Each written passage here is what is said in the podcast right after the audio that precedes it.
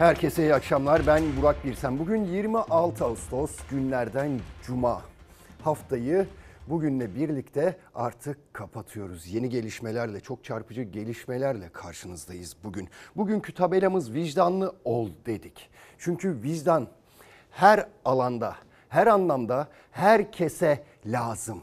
Vicdanlı olmak lazım vicdanla hareket etmemiz gerekiyor. Özellikle kanun koyucuların, karar vericilerin bir karar verirken kamuoyunun vicdanını rahatlatmaları gerekiyor.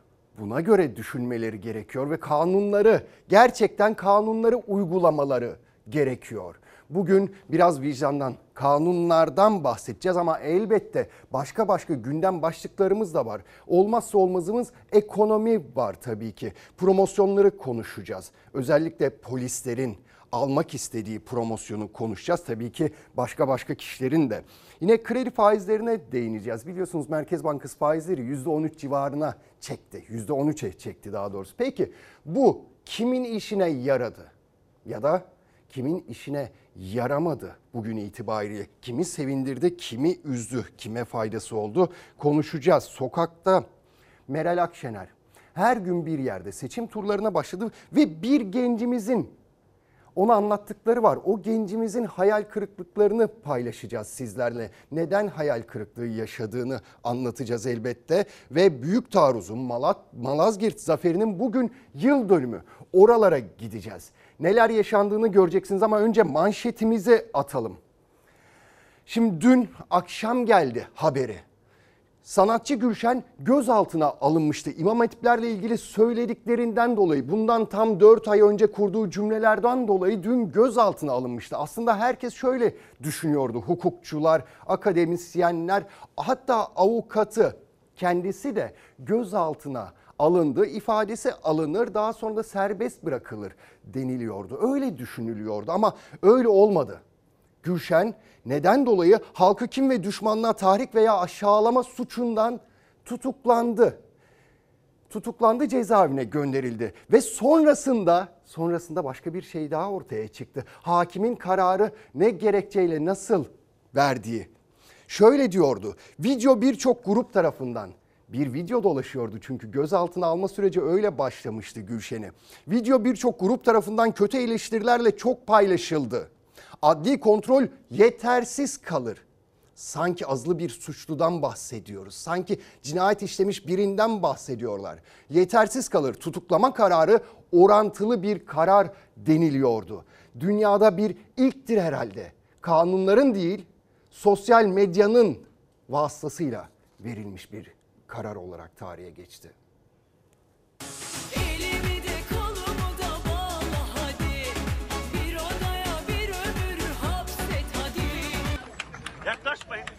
İçeriye 4 ay önce bir konserinde İmam Hatip liselilere yönelik sözleri eleştiri oklarının hedefine oturtmuştu Gülşen'i sosyal medyada. Ama eleştiri ve kınamayla kalınmadı. Şarkıcı Gülşen, halkı kim ve düşmanlığa tahrik veya aşağılama gerekçesiyle tutuklandı, cezaevine gönderildi.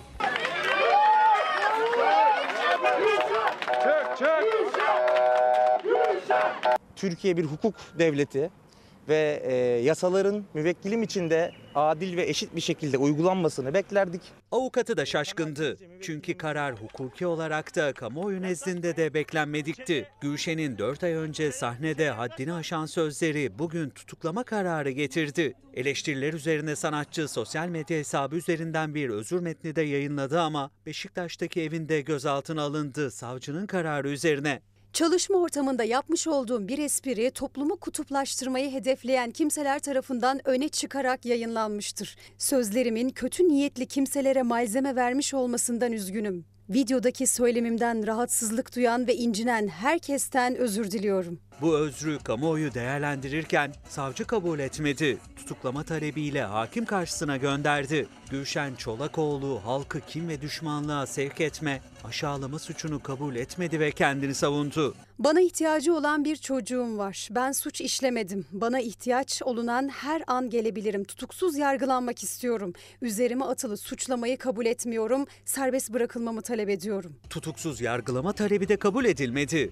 Hakim gerekçeli kararda kaydın birçok grup tarafından olumsuz yorumlarla birçok defa paylaşılmasını, adli kontrolün yetersiz kalacağını söyledi ve tutuklama tedbirinin daha uygun ve orantılı olduğunu kaydetti. Tutuklama tedbirinin orantısız olduğunu düşünüyoruz. Bir şey söyler misiniz? Var mı bir açıklamanız? Sanatçının sevenleri de Gülşen'i Bakırköy Kapalı Kadın Cezaevi önünde bekledi. Tutuklama kararına Çolakoğlu ailesi itiraz etti. Tabii ki üzgünüz, hepimiz üzgünüz. Böyle bir karar çıkmasını beklemiyorduk. Bu suçun alt ve üst sınırlarına baktığımızda e, tutuklama tedbiri çok uygunsuz olmuştur. Sosyal medyadaki bazı çevreler dışında, bazı kişiler dışında gerçekten hiç kimse, hukukçular da dahil olmak üzere hiç kimse böyle bir kararın çıkmasını beklemiyordu. Ama ne noktalara geldik? Sosyal medyadan birileri emir buyuruyorlar, birileri tepki gösteriyorlar ve sayın hakim de sosyal medyada çok fazla eleştiri olduğu için bir kişiyi cezaevine gönderebiliyor kanunları uygulaması gerekirken sosyal medyanın sesine kulak veriyor. E peki bundan sonra ne olacak acaba onu merak ediyor insan endişeyle elbette. İki gün sonra acaba siz bir katili tutukladığınız zaman sosyal medyadan hayır o katil değildir canavarca işlememiştir bu suçu dediğinde onu af mı edeceksiniz? Kanunları hiçe mi sayacaksınız? Olabilir mi böyle bir şey?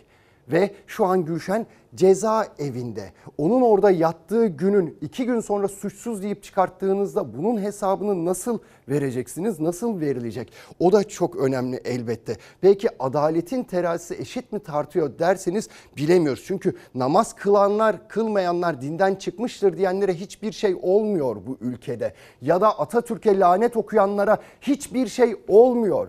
Onlar da sosyal medyadan çokça eleştiriyorlar, eleştiriliyorlar ama onlara bir şey olmuyor. Bir de ne var bakın tahrik, kim ve düşmanlığa sevk etmek suçu diyorsunuz. Peki tahrik ettiyse Gülşen birilerini 4 ay önce bu video çekilmiş. Hadi dün önceki gün ortaya çıktı diyelim. Birilerini tahrik etmişse son 48 saattir acaba yaşanan bir olay var mıdır? Kolluk kuvvetlerinin müdahale ettiği bir olay var mıdır? Hayır. Delilleri karartma şüphesi var mıdır? Hayır. Çünkü o deliller zaten sizin elinizde. Peki Gülşen neden şu anda cezaevinde? İnsan bunu merak ediyor. Gülşen'in farkı ne? Tabii ki siyasiler de tepki gösterdiler hukukçular gibi siyasiler de tepki gösterdiler. Birçok yerden tepki geldi sanat camiasından, kamuoyundan. Birçok yerden tepki geldi. AK Parti'nin içinden de geldi tepki, eleştiri. Ve Kemal Kılıçdaroğlu hakim ve savcılara seslendi şunu söyledi. Hukuka adalete ihanet etmeyin. Sanatçıyı hemen serbest bırakın.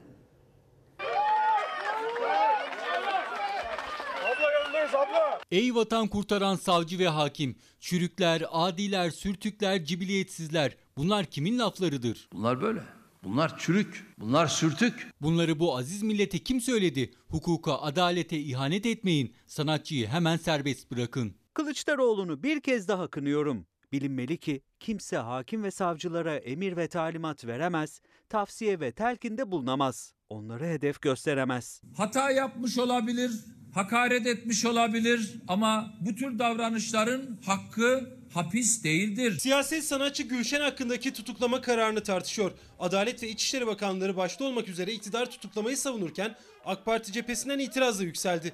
AK Parti MKYK üyesi Şamil Tayyar tutuklama kararı orantılı değil vicdanlarda karşılık bulmadı dedi. Gülşen'e tek ses tepki gösterenlerin tutuklamada ayrışmaları kararın vicdanlarda tam karşılık bulmadığını gösteriyor. Suç ve ceza arasında doğru orantı kurulmadığında doğal sonuç budur. Kaş yaparken göz çıkarmak böyle bir şey olsa gerek. Nisan ayında bir konserinde İmam Hatip mezunlarına yönelik sözleri 4 ay sonra gündeme geldi sanatçı Gülşen'in. O sözleri savunan çıkmadı zaten ne iktidardan ne muhalefetten.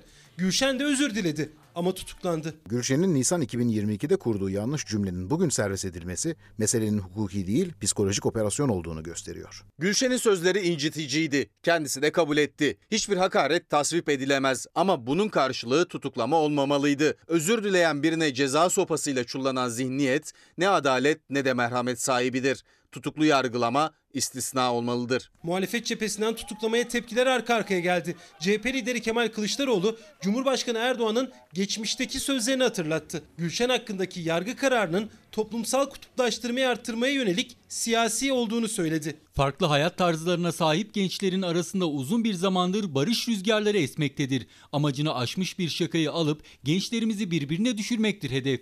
Biraz daha iktidarda kalmak için, daha çok çalmak ve çırpmak için. Anayasanın 138. maddesi çerçevesinde tüm kişi, kurum ve kuruluşlar ile yazılı ve görsel basın organlarının yargı bağımsızlığına saygı göstererek yargılama süreçlerine müdahale içeren, hakimlere emir ve talimat niteliği taşıyan her türlü eylem ve söylemden kaçınması anayasal zorunluluktur. Bir kişinin ettiği bir söz üzerine bir kişi istiyor diye bir sanatçı hapse atılıyorsa bu olmaz. Siyaset ahlakı kişilerle değil, ilkelerle inşa edilir. Yanlışları yarıştırarak veya intikam duygusuyla hareket ederek kamu vicdanı oluşturamazsınız. Sadece kendinizi kandırırsınız.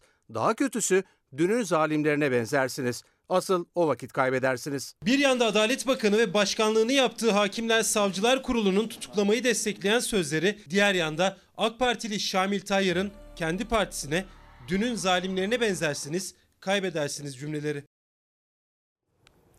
Evet önemli açıklamalar. İşte AK Parti'nin içinden de tepkiler geliyor. Ama Adalet Bakanı Sayın Bozdağ ne diyor? Kimse hakim ve savcılara emir ve talimat veremez diyor. Sayın Adalet Bakanı söylüyor bunu ama Hakim Bey'in kararında ne diyordu? Orada da sosyal medyadan etkilendiğini, oradaki tepkilerden etkilendiğini söylüyordu. Nasıl talimat veremiyorlar? İşte görüyoruz sosyal medya demek ki çok fazla eleştiri olunca bir talimat gibi algılanıyor hakimler ve savcılar tarafından Sayın Bozdağ. Bunu da görmüş olduk. Umarız bu konuyla da ilgilenirsiniz ama AK Parti içinden birisinin Şamil Tayyar'ın sözleri çok önemli. Tekrar etmekte fayda var. Kaş yaparken diyor göz çıkarmaktır bu. Bir başka cümlesi dünün zalimlerine benzersiniz. Asıl o vakit kaybedersiniz diye uyarıyor iktidarı sağduyulu, daha fazla sağduyulu olmaya çağırıyor. Dün eleştirdiklerinizi bugün siz yapıyorsunuz diyor. Hatanızdan bahsediyor sizin ve Abdurrahman Dilipak, gazeteci Abdurrahman Dilipak o da AK Parti'ye çok yakın bir isim. O da tutuklama kararını eleştirdi. Şunu söyledi.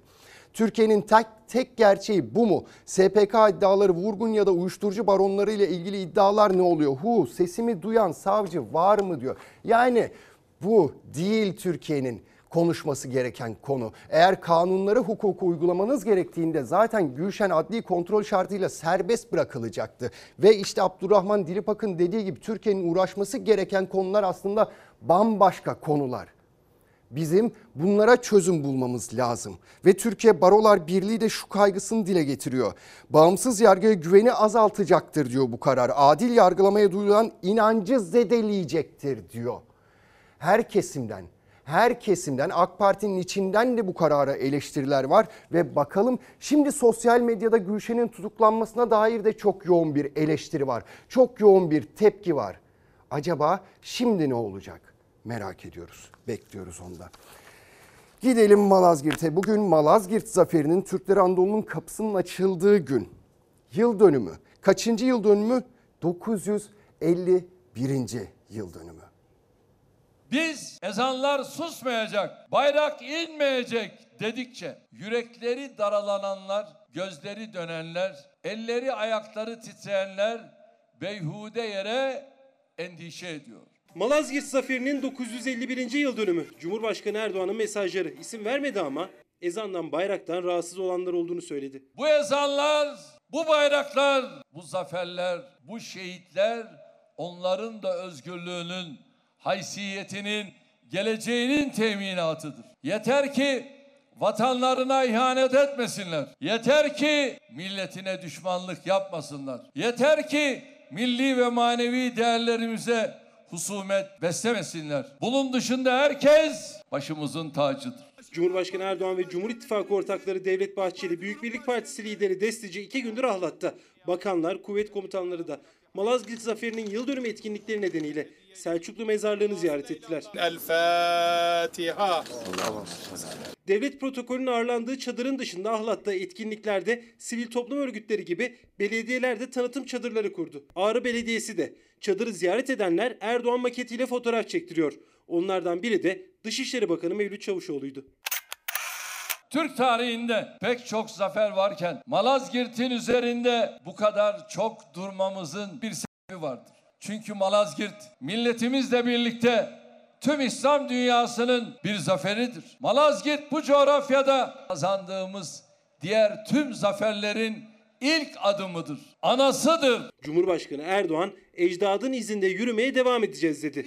Seçim mesajı da verdi. Kapı kapı dolaşıyor muyuz? Cumhur İttifakı olarak sandıkları patlatmaya var mıyız?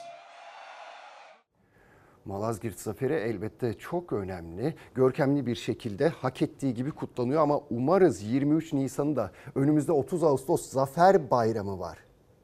Onu da aynı Malazgirt Zaferi gibi Sayın Cumhurbaşkanı, Sayın Bahçeli, Cumhur İttifakı ortakları umarız 30 Ağustos Zafer Bayramı'nda hep birlikte bu kadar görkemli bir şekilde kutlarlar ve Atatürk'ü ve silah arkadaşlarını rahmetle ve minnetle umarız anarlar. 30 Ağustos'a da az kaldı. Şimdi Büyük Taarruz'un da bugün 100. yıl dönümüydü. Cumhuriyet Halk Partisi lideri, Demokrat Parti lideri, gençler, milletvekilleri zafer yürüyüşü yaptı.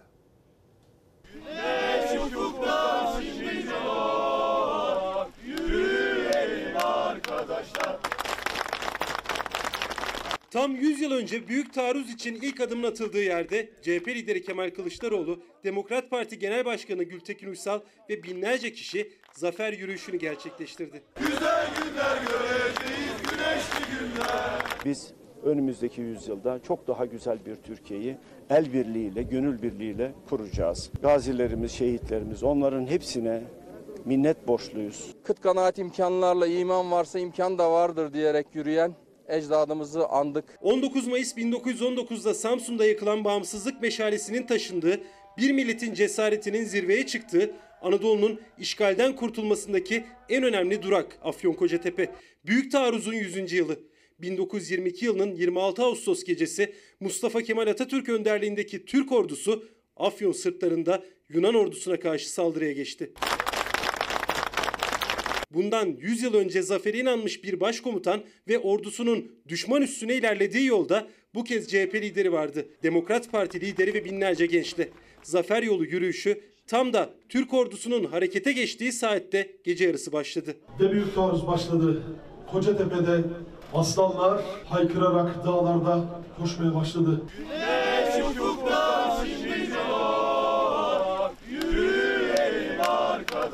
Bir ayranımızı içeriz. Vallahi ayran içerdik tabii ama şimdi bu saatte olmaz. Büyük taarruzun başladığı noktadan Afyon Karahisar Çakırözü köyünden Kocatepe anıtına 15 kilometrelik zafer yolu yürüyüşü 6 saat sürdü. Her birimiz geçmiş ayrılıklarımıza bakmadan daha sağlıklı ve daha güzel bir geleceği inşa etmek için mücadele etmeliyiz.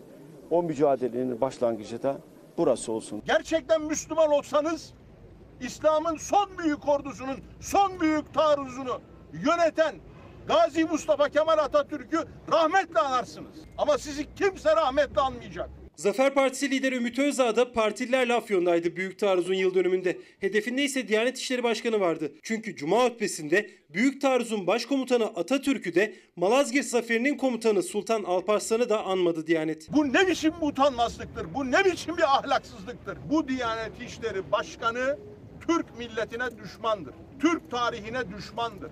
Türkiye Cumhuriyeti'ne düşmandır. Bu adam Diyanet İşleri Başkanı da değildir. Mustafa Sabri'den sonraki son Şeyhülislam'dır. Atatürk'e lanet okuyan Ali Erbaş'ın herhalde kimse zaten 30 Ağustos'ta Cuma hutbesinde Atatürk'ü anmasını beklemiyor ama çok ayıp. İşte bunlara ses çıkartılması gerekiyor biraz da. Bunların da düzeltilmesi gerekiyor. Bir izleyicimiz demiş ki ezanlar susmasın, bayraklar inmesin. Evet bence de olmasın bunlar ama halkı kutuplaştırmayın. Gerçekten bu halka artık yazık etmeyin. Kardeşliği bozmayın, kırk kışkırtmayın, vicdanlı ol demiş. Evet kardeşliği bozmamak lazım, kutuplaştırmamak lazım. İşte cuma hutbesinde bu vatanı vatan yapan kişileri, şehitlerimizi ilk başta Ulu Önder Mustafa Kemal Atatürk'ün adını anmak lazım Sayın Ali Erbaş. Siz istemeseniz de bu iş böyle maalesef. Siz o koltukta onun sayesinde oturuyorsunuz. Bunu da hiçbir zaman unutmamanız lazım. Şimdi Suriye operasyonu olacak mı olmayacak mı? Her gün yeni bir gelişme elbette oluyor. Rusya'dan bir açıklama geliyor, Amerika'dan bir açıklama geliyor ve Sayın Cumhurbaşkanı da açıklama yapıyor. Son olarak şunu söyledi. Hiçbir tuzağa saldırıya tahammülümüz yok dedi. Hiçbir saldırıya, hiçbir oyuna, hiçbir tuzağa tahammülümüz yoktur. Vatanımızı bölmeye, devletimizi yıkmaya çalışan hiç kimsenin gözünün yaşına bakmayız. Cumhurbaşkanı Erdoğan Suriye'nin kuzeyine planlanan harekat öncesi konuştu. Hem terör örgütü YPG PKK'ya hem de teröristlere destek çıkan ülkelere Malazgirt'ten mesaj verdi. Bayrağımızda sembolleştirdiğimiz özgürlüğümüzü hedef alan hiç kimseyi bilsinler ki affetmeyiz. Ankara Şam hattında yakınlaşma iddiaları sürerken Türkiye bir yandan da Suriye kuzeyine yeni harekat hazırlıkları içinde. Hedefte Fırat'ın doğusunda Amerika Birleşik Devletleri'nin, batısındaysa Rusya'nın kolladığı terör örgütü YPG PKK var. Milli Savunma Bakanı Akar, iki ülkeye 2019 yılındaki mutabakatlara uyma çağrısı yaptı. Teröristler bölgeden temizlenmeli dedi. Özellikle iki noktayı işaret etti. Son dönemde Tel Rifat ve Münbiç bölgesi tamamen terör yuvasına, terör batağına döndü. Buradan gelen tacizler binleri aştı. Bölgemizde terörün, teröristlerin hiçbir geleceği yok. Türkiye'nin bölgede terörle mücadelesi ise hız kesmeden sürüyor. Milli Savunma Bakanlığı, Fırat Kalkanı bölgesinde 6 PKK-YPG'li teröristin etkisiz hale getirildiğini açıkladı. Bir gece ansızın gelebiliriz.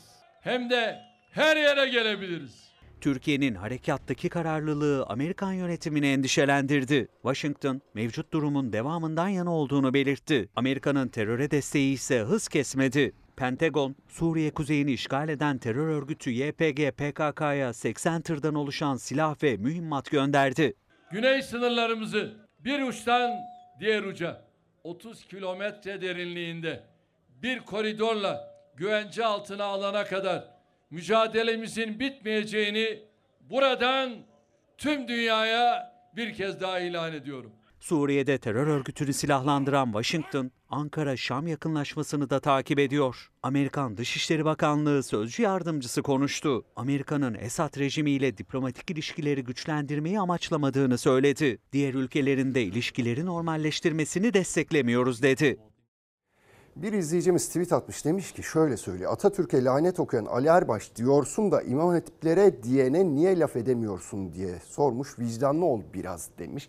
Şimdi şöyle bir şey var. Ben Gülşen'e bir şey demiyorum değil. Gülşen hatalıdır. Söyledikleri sözler beni de rahatsız etmiştir. Doğru değildir uygun sözler değildir kesinlikle. Belli bir kesimi rahatsız etmiş, incitmiştir. Ama bunun sonucu tutuklanmak olmamalıdır. Cezaevine göndermek olmamalıdır. Ben söylemiyorum. Kanunlarımız böyle söylüyor. Yoksa ben onu da kesinlikle ve kesinlikle haklı bulmuyorum. Zaten kendisi de özür dilemiştir bu konuyla ilgili. Şimdi ekonomi başlıklarımıza yavaş yavaş başlayacağız. Önce sokağa ineceğiz. Sayın Meral Akşener İyi Parti Genel Başkanı işte seçim çalışmalarına epey bir süredir devam ediyor. İl il, sokak sokak, mahalle mahalle geziyor. Yurttaşın sesini dinliyor ve bir genç gencecik bir kardeşimiz önüne çıktı. Cebimde 10 lira vardı dedi. Kırtasiye gideceğini söyledi. Daha doğrusu kırtasiyeye gitmiş. Kalem alacakmış. Ama cebindeki 10 lira o kalemi almaya yetmemiş. Her tarafı gezdim, kalem fiyatlarına baktım, cebimde 10 lira param var, evden dışarı çıkmıyorum, bir su almayayım diye gerçekten çıkıyorum. Düşünüyorum, kara kara düşünüyorum, evde ağlıyorum. Diyorum ki ben kantinde ne yiyeceğim? Kantinde ben aç mı kalacağım diyorum. Bizim için bizi niye düşünmüyor bu devlet? Üniversite hayali kuran bir gencin sözleri. Ben üniversiteye hazırlanacağım, test kitabı alacağım. 200-300 liradan test kitabı başlıyor. Nasıl alacağım? Bir kalem 30 lira olur mu ya? Marketlerde kalemleri taksitle veriyor. 6 taksit yapmışlar kaleme. Böyle bir şey olur mu? İyi Parti liderinin İstanbul'daki esnaf ziyaretleri sırasında kesti yolunu genç. Hayat pahalılığını gençleri, öğrencileri nasıl etkilediğini özetledi. Kutusu 4 lira bir şey yerim. Her şey 15-20 liradan başlıyor. Ee, bir kalem 20 lira, bir defter 30 liradan başlıyor. Ben bu ülkenin genci değil miyim? Neden beni düşünmüyorlar? Suriyeli mi olmam lazım, Afgan mı olmam lazım? Eğitim desteği almam için. Devlet değil oğlum, hükümet düşünmüyor. Çok az kaldı, hallolacak. Gençlerimizin geleceğini e, düzeltmemiz lazım. Arkadaşlarımızın her ikisi de üniversite mezunu. Birisi tarih öğretmeni, birisi gazeteci. Ama şimdi baktığımız zaman bu dükkanda çalışıyorlar. 2016 yılında mezun oldum. Öğretmen olmayı tekrar istiyor musun? Sus olduğum gibi bir şey yani. Kağıtlık iyice bitti. Elektriği ödeyemiyoruz, doğalgazı ödeyemiyoruz. Elektrik kaç geldi? Buraya başkanım 50 bin lira elektrik faturası geliyor. Aa. Burası, burası holding değil, burası fabrika değil. Meral Akşener yeni günde de İstanbul ilçelerini dolaştı. CHP ekonomi masası heyeti de İzmir'deydi. Yani benim şu anda dükkanım ilanda. Buraya ne çalışıyoruz çünkü artık altından kalkamıyorum. Biz günümüzü geçirmeye bakıyoruz şu anda. Günümüzü geçirelim, Öyle diyorsun. karnımızı doyuralım. Allah bereket versin. KDV'si geliyor ayrı, kirası ayrı, vergiler ayrı. Para kazanamıyoruz öyle çok. Alım gücü sıfır. Herkes isyanlarda bu fiyatlar ne diyor? Buramıza geldi artık. Emekli devlet memuruyum, geçinemiyorum. Burama geldi artık. Genci emeklisi, öğrencisi, esnafı, muhalefetin sokak turunda gündem sadece hayat pahalılığı. İnsan inanın çok üzülüyor. Gencecik bir öğrenci üniversiteye hazırlanıyor. Cebinde 10 lira var. Kalem alamıyor. Defterini kitabını nasıl alacak? Siz düşünün. Olmaması gerekiyor yahu. Bu yaştaki çocukların hayallerinin bambaşka olması gerekiyor. Bilim insanı olmayı, mühendis olmayı, doktor olmayı hayal etmeleri gerekiyor ama ekonomik sıkıntılarla boğuşuyor çocuklarımız dahil. İşte gencecik bir arkadaşımız ağlamakla anlatıyor artık. Üzmemek gerekiyor şu çocukları, şu anneleri, babaları. Suriyeli mi olmam lazım diyor. Afgan mı olmam lazım diyor. Çünkü biliyor ki onlara devlet daha fazla yardım ediyor. Sadece bu yıl 4 milyar lira para ayrıldı Suriyelilerin sağlık masraflarını karşılayabilmek için. 4 milyar lira. E bu çocuğun günahı ne o zaman? Bu da bizim evladımız. Bu da bu ülkenin evladı. Bu çocuğun günahı ne? Yapmamak gerekiyor. Şimdi gelelim akaryakıt fiyatlarına. Akaryakıt fiyatları artık neredeyse her gün artmaya başladı son iki haftadır. Sayın Nebati demişti ya gözleri ışıl ışıl parlıyordu kendisinin. Çok sevinmişti 22 liraya düştüğünde mazot. İşte iki günde o sevindiği haberler alt üst oldu. İkinci zam geldi. Her gün motoruna zam. İnan ki arabamı burada bırakıyorum, evime götürmüyorum. Masraf olmasın? Masrafı tabii. Bu gelmesi 100 lira, 150 lira masraf yapıyor. Ama bomboş pazar. Pazar görüyoruz. Kimse yok. Kimse gelmiyor. Halden yeni geldik bu gece. İki gün önceye göre baya bir artış var. Mazot iki haftada beş kez zamlanınca değil nakliyeci halden ürün alan pazarcı bile kamyonunun kontağını kapattı masrafı kısmak için. Pazar etiketleri de müşteriyi kovunca pazarcı kurdu sofrasını pazar yerinin ortasına. Tezgahından yedi zararına. 300 milyon nakle veriyoruz. Aldım buraya. Ben bugün sabah 27 milyon mazot aldım. Gittim geldim yarısı bitti. Ne kadara satıyorsunuz? Bunun kilosu aldım 8 lira, 12 lira satıyorum. Mazotum var, poşetim var, kiram var, vergim var. 6 litre alıyorsan 6 litre insan içebilir onu. 6 litre ya. Kar ne durumda? Vallahi kar ekmek diyorsun gene yaşıyoruz. Bak böyle ekmeğimiz. Allah aşkına. Salatalık, domates, beyaz peynir, soğan. Güzel. Bu Cumhurbaşkanı sırasında bile yok. Motorin iki haftada 5. zammını gördü. 11 Ağustos'ta 82 kuruşla başladı yağmuru. 15 günde 4 lira 48 kuruş arttı litre fiyatı motorinin. Son zamla birlikte 27 liraya dayandı. Motorin ise mazot yani üretimin nakliyenin ulaşımın yakıtı. Yakıttaki bu zam yağmuru tarlada, pazarda, iş ve okul yolunda ulaşımda zam fırtınasına dönüşüyor. Fasulyeyi ben halden aldım 13 lira. Çuval da aldım. Çuvaldan 7 lira pa- para kesinti yapıyor. Şu an 14 liraya oturmuş. 15 lira 50 kilo satıyor. 50 lira bana kalıyor. Bu 50 lira ya mazota gidiyor ya da poşete. El ele baş başa gidiyoruz. Motorine gelen her bir zam anında üretim ve nakliye ardından da meyve ve sebze fiyatlarına yansıyor. İşte tam da bu yüzden tüketici bir gördüğü etiketi bir daha göremiyor. Her geldiğinde daha yüksek bir etiketle karşılaşıyor. Bir etiket kaç gün kullanabiliyorsunuz bir ürünün etiketi? Her gün değiştiriyoruz. Aşağı yönlü mü yukarı yönlü mü? Yukarıya. Çünkü niye? Nakliye pahalı. Etket hiç belli değil. Yani kalmadı ki etket. Yeşil fasulye geçen hafta 10 liraya satıyorduk. Bugün 15 liraya satıyorduk. Biber mesela 10 liraya satıyorduk. 15 lira. Domates geçen hafta 6 lira 5 liraya satıyorduk. 8 liraya katlandı. Siz satan taraf değil de bu ürünleri alan taraf olsanız siz bunları alabilir misiniz? Alamam. Hayatta alamam. 100 yıl orada kalsa yüzüne bakma. Çünkü gücüm yetmiyor. Evimi geçindireyim, domates mi alayım, zebzesini mi alayım, meyvesini mi alayım hangisini gücüm yetiyor ki? İşte motorin zammının etkisi. Pazarcı bile kendini tezgahın diğer tarafında düşünemiyor. Her gün kendi eliyle yazdığı meyve sebze etiketleri onun da cebini yakıyor. İETT Genel Müdürü de arka arkaya gelen zamlara tepki gösterdi. Son 15 günde 4,5 liralık artışın sadece İstanbul ulaşımında yıllık 1 milyar zarar demek olduğunu açıkladı. İşte maliyetler böyle artarsa Sera 1 Başkanı Müslüm Yanmaz geçtiğimiz günlerde söylemişti. Kışın domatesi 50 liraya yiyebiliriz diye. İşte o hayal değil, gerçek olur bu maliyetlerin önüne geçmezsek. Şimdi üreticimiz de dertli. Suat Özkök, Elazığ Organize Sanayi Bölgesi Başkanı kendisi. O da dert yakındı. Niye dert yakındı? Çünkü Merkez Bankası faizi %13'e indirdi ama üretici 10 rakamlara kredi bulamıyor. %13'le para bulamıyor. O da diyor ki bu %13 kime uygulanıyor?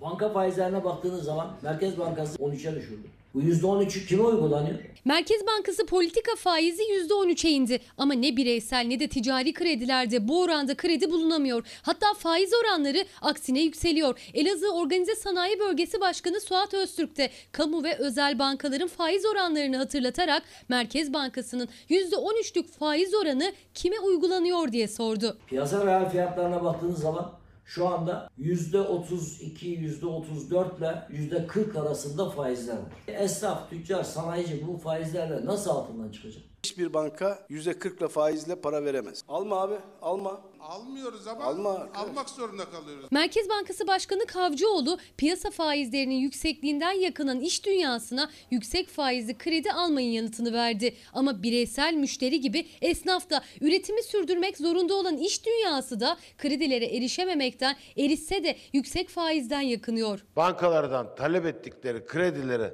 alamıyorlar. Alabilen ise çok yüksek faizlerle uygulandığını görülmektedir. Banka kredileri konusunda yaşanan sıkıntıların kaynağı finans kesip ile reel sektör arasındaki geçici bir yaklaşım farklılığıdır. Cumhurbaşkanı Erdoğan daha birkaç gün önce kurdu bu cümleyi ama bankalar bireysel kredilerde %20-24, ticari kredilerde %35-40 aralığında faiz uygulamaya devam ediyor. Hatta Merkez Bankası'nın ticari kredilerde faiz oranlarını indirmek için getirdiği üst sınır hamlesi sonrası oranlar düşmedi. %13'ü kime uygulanıyor? Bankalar arası alınan gecelik faizlerden mi uygulanıyor? Transferlerden mi uygulanıyor? Piyasa realitesine baktınız mı? Bugün kamu bankaların bile faizleri %25-%30'larda. Özel bankalar %40'lara kadar çıktı. Yani bunu sanayiciye ürettiği ürüne maliyetler geliyor. Son çıkış Elazığ Organize Sanayi Bölgesi Başkanı'ndan geldi. Krediye erişimdeki zorla yüksek faize dikkat çekti. Sanayicinin üretimde zorlanmasına, üretse bile maliyetlerin artmasına. İnsanlar zaten zor ayakta dururken çeşitli vesilelerle bazı hatalı işlemlerin veya hatalı kararların alınması insanların mağduriyetlerin alanı genişliyor. Çalışanlar bu sıralar promosyon alıyorlar. Emniyet teşkilatı da gelen yüksek tepkiler üzerine bankalarla yeniden masaya oturdu ve polis artık hak ettiği promosyonu istiyor. Sonuna kadar biz hakkımızı aramaya devam edeceğiz. Promosyonların miktarının ve süresinin tekrardan gözden geçirildiğini öğrendik. Şu an artık 30 binin, 35 binin üstünde anlaşmalar görüyoruz. 1500 çalışanlı kurumlar yaklaşık 40 bin liralık promosyon anlaşması yaparken 330 bin kişilik polis teşkilatı için 10.800 liraya imza atılmıştı. Üstelik peşinde değil. Her ay 300'er lira olarak maaşa yansıtılacaktı. Fox Haber'in duyurduğu polisin sesine karşılık geldi. Emniyet Genel Müdürlüğü Kamu Bankası ile bir kez daha masaya oturdu. Şimdi bize gelen son bilgilere göre 5 yıllık 18 bin liraya anlaşmıştık ya sizinle. Evet o parayı size peşin verelim demiş. Şimdi bu da yine aynı 300'e geliyor. Emniyet Genel Müdürlüğü buna sıcak bakmıyormuş. Bütün kurumlar 3 yıllık anlaşma yaparken Emniyet Genel Müdürlüğü 5 yıl için masaya oturdu Kamu Bankası'yla. Maaş müşterisi olma anlaşmasıyla bankalar maaş hesabı başına promosyon veriyor. Enflasyonun giderek yükselmesiyle bankaların da garanti müşteri kapsamında sıcak para ihtiyacının artmasıyla promosyonlar da el yükseltildi. Öyle ki 6 bin kişinin çalıştığı YTT 3 yıl için 23 bin liraya 1030 çalışanlı Malatya Yeşilyurt Belediyesi bile ilçe belediyesi olmasına rağmen 27 bin liraya anlaştı bankayla. Rekor anlaşmaysa Anadolu Üniversitesi'nden geldi. En son Anadolu Üniversitesi 41.500 liraya anlaşma yapmıştı. 1500 çalışana 41.500 lira promosyon verilecek ama Emniyet Teşkilatı'nın canı pahasına görev yapan polis memurları için yapılan anlaşma son dönemdeki en düşük anlaşma. 3 yıl için 10.800 lira. Fox Haber'in gündeme getirmesinin ardından yeni bir anlaşma için masaya oturuldu ama yeni anlaşma da yine yeterli kalmadı. Bu kez rakam 30 bin lira ama 3 yıl değil 5 yıl için. Bu olumlu bir şey değildir. İnsanların 3 yıllığına 30-40 bin lira aldığı bir yerde bizim 5 yıllığına 30 bin liraya evet dememizin yine personelimizi hak kaybına uğratacağını düşündüğümüzü söyledik. Polisin Sesi platformu sözcüsü Faruk Sezer polisler adına bir kez daha itiraz etti yeni teklife. Emniyet Genel Müdürlüğü ve Kamu Bankası'nın oturduğu masadan son karar henüz çıkmadı. Avrupa'nın açık ara en çok çalışan polisi. Ucu açık bir çalışma sistemimiz var. Yeri geliyor postacılık yapıyoruz.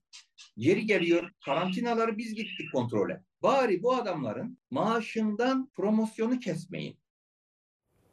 Sıkıntı büyük. İlaç krizi derinleşiyor. Üşüttük ya ya da ne bileyim bir gıda zehirlenmesi oldu.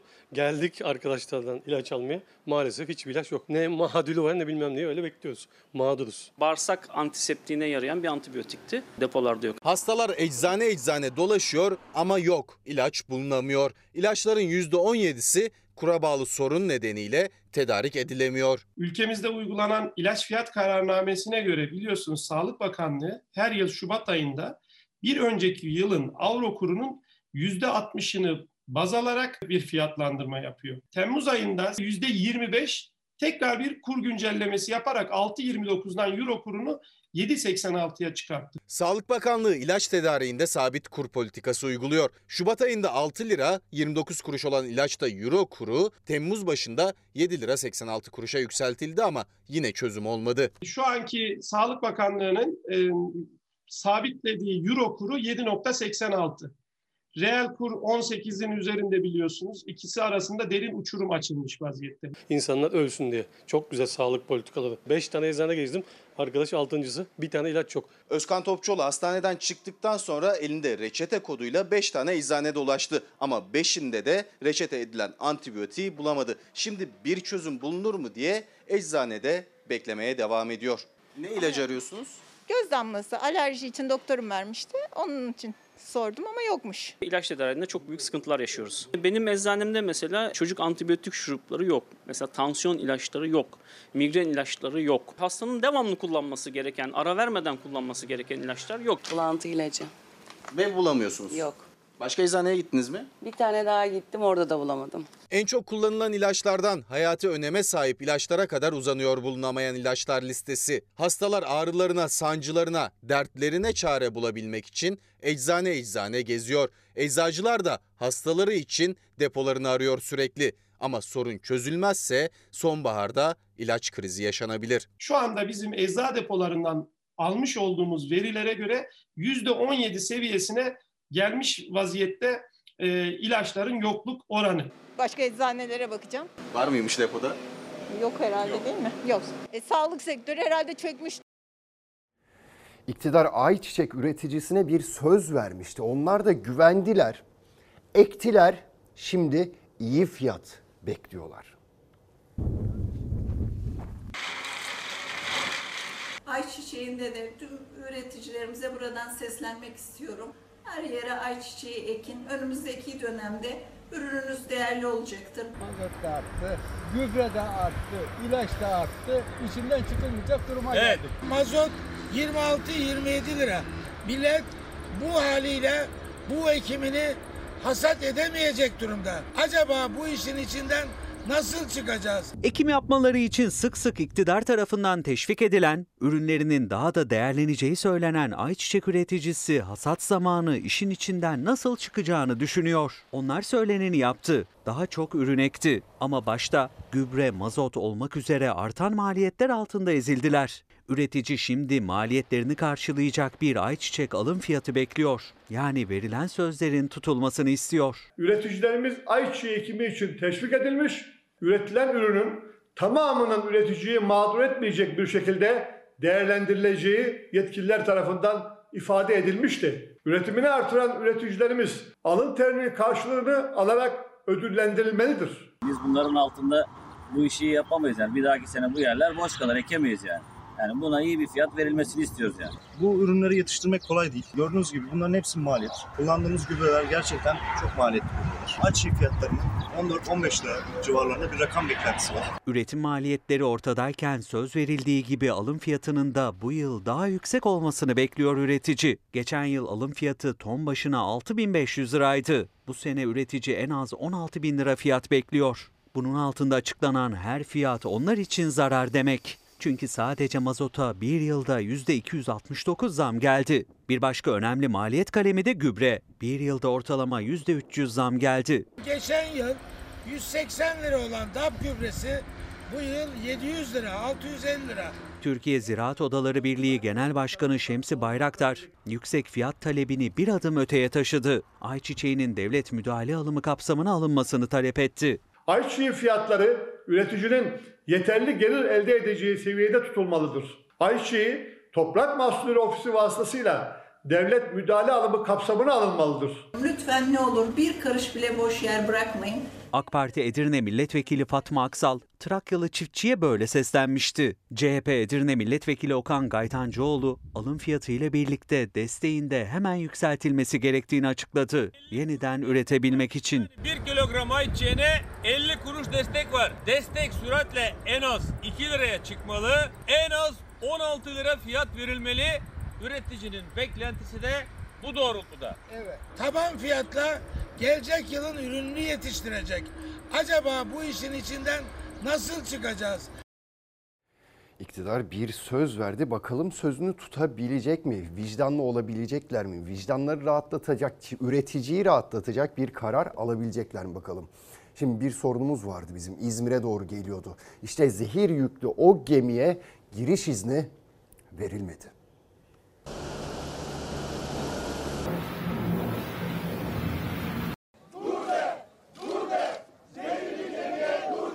Bize bildirilen tutarlar ve bilgiler dışında herhangi bir bilgiye rastlarsak bu ülkeyi, gemiyi ülkemize sokmayacağımızı da net bir şekilde söyledik. Yükselen sesler ve başta bakanlık tarafından kabul edilmese de zehir yüklü olduğunu ortaya koyan raporların ardından Çevre ve Şehircilik Bakanlığı bu kez ani bir kararla Brezilya'dan yola çıkan asbestli gemiyi Türkiye'ye sokmuyoruz dedi.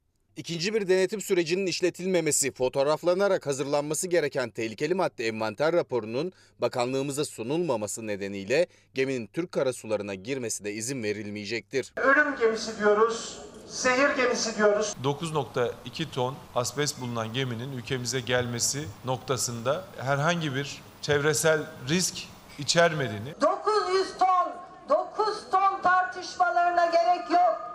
9 gram asbeste bile karşıyız.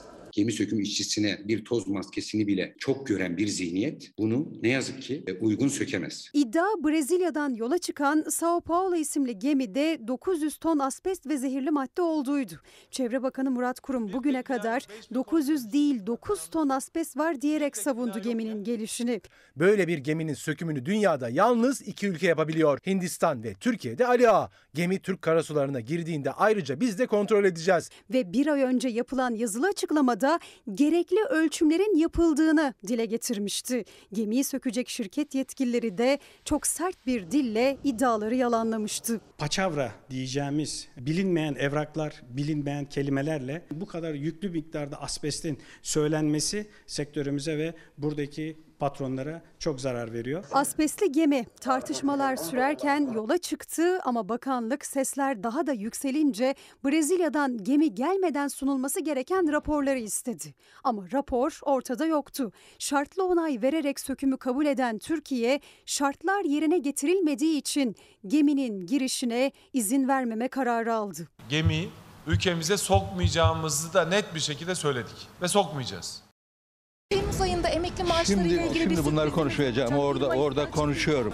Bütün milletimizi, İstanbul Büyükşehir Belediye Başkanı'nın o meseleyle ilgili açıklaması oldu. iyiliğin zamanı.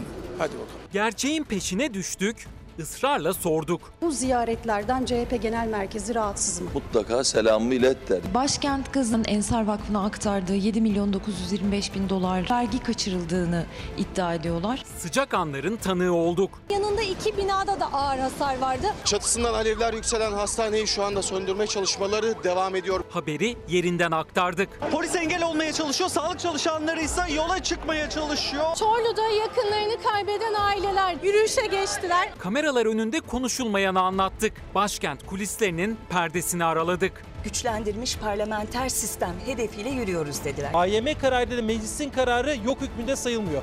Çocuğuna benziyor yapacak bir tarla satıyor. Süt satışı da bitti. Gerçek çiftçi bu ülkenin köylüsü faydalanabiliyor.